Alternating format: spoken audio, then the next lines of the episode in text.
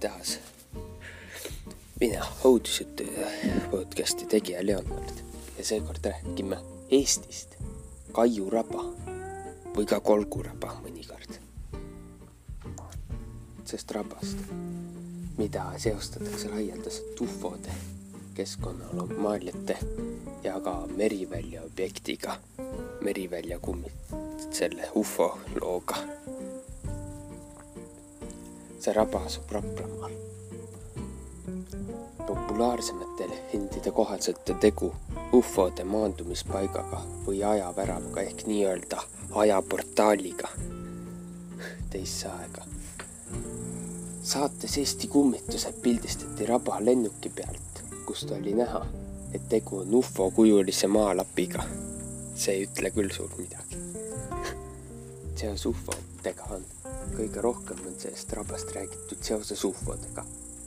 ufo uurija Hans Rautsiku kinnitusel on pärimus taldriku ja sigarikujuliste lendavate objektide kohta Aiu rabas aastakümneid vana. konkreetsemaid näiteid on, et juhtumites on, et üks juhtum oli selline, kus nähti lendavat objekti, taldrikukujulist lendavat objekti kunagi vabatahtliku tuletõrjeseltsi kuulunud Aivar Antohn olla Kaiu rabas näinud maanduvat apelsinikujulist leegitsevat objekti, mis näis justkui tulekahju kuma. muidugi on mõte keravälk.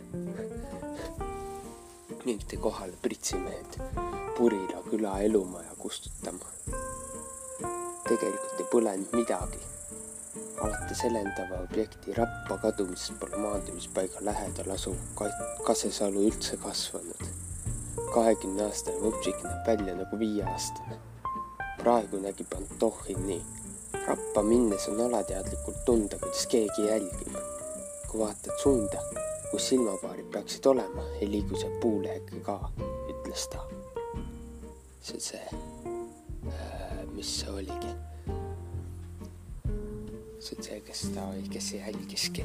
see on see, et ma ei mäleta tema nime. teine juhtum. põline Kuimetsa elanik Helmut Press on raba kohta öelnud. üheksakümnendate keskel oli sealkandis ühel mehel suvilakoht. ühel päeval oli mees kui ninatuhka kadunud. kui ta paari päeva pärast välja ilmus, ei mäletanud ta oma kadumisest midagi ega osanud öelda, kus oli.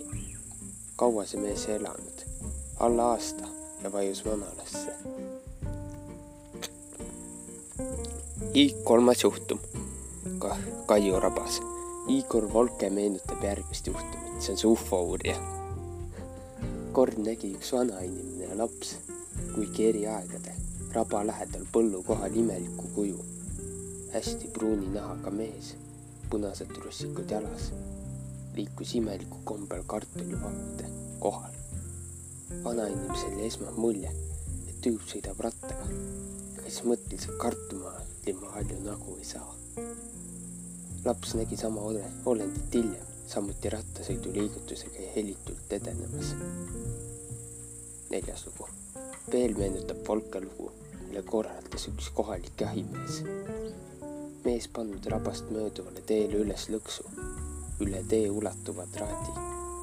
kui loom oleks traati jooksnud, teine üks teeveerde posti külge paigaldatud fotoaparaat jooksis kohe foto.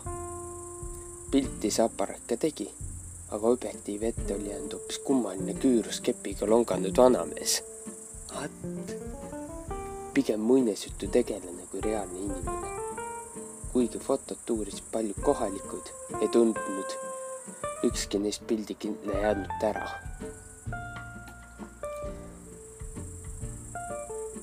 saated Eesti kummituses rääkis oma kogemusest naine, kelle tuppa tekkis öösel valgus. üles ärgates oli tal silmad punased ning kätel kriimud, mis näitasid tegemist polnud unenäoga. What? teemant, teemant, see on kindlalt teemant. teised selliseid kriime ei tee. ainult teemant. polter, kes kolistab. juhtumid ajaga Igor Volke meenestub Kaiu raba puhul olla tegemist niinimetatud aegruumi portaaliga, see on see ajaportaal, kus inimene võib vabalt ajada ju kaotada ja eksida. Eesti kummituste saates toodi välja juhtum, et keegi võib minna viieteist minutiks metsa ning tagasi tulla kolme tunni pärast. see võimaldab ajas reisimist ju. aegrummi portaalil olevat ka omane kummaliste objektide ilmumine ja kadumine. Aegruumi tekkida kas hirmud või eufooria. kummitada võib ka vererõhu tõus ja rütmi ehk siis vererütm. seotus merivälja objektidega selline siin Meriväljaga oli ka see asi seotud. kaheksakümnendate Tallinnas Merivälja väidetav kosmosemajakut uurinud Aleksander Teete ja kaitseministeeriumi ühe allasutuse teadustöötaja uskus, et Merivälja objekt kuulub teha tunduvalt võimsamale maavälisele kooslusele, mis asuvad Kaiu rabas. seal olla juba üle saja aasta koht, kus väidetavalt startivad taldukud.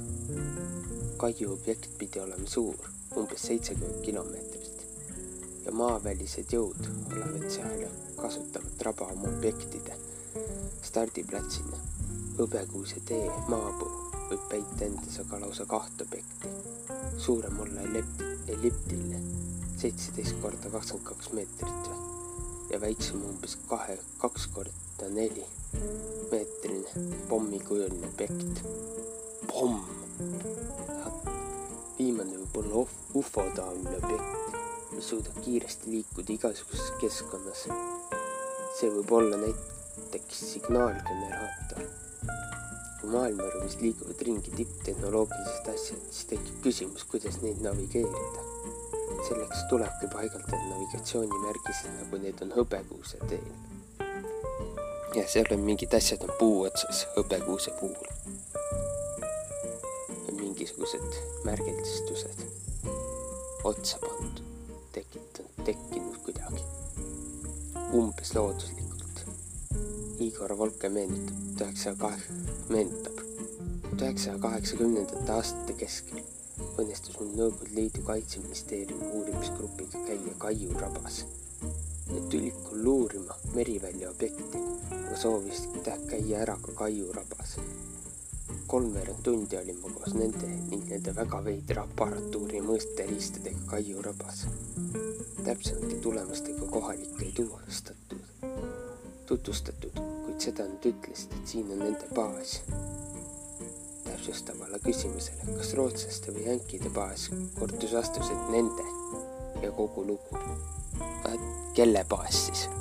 Nõukogude, rootslaste, jänkide, tulnukate tulnukate.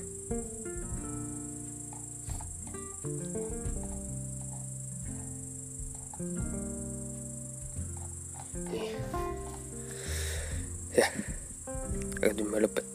tšau. thank you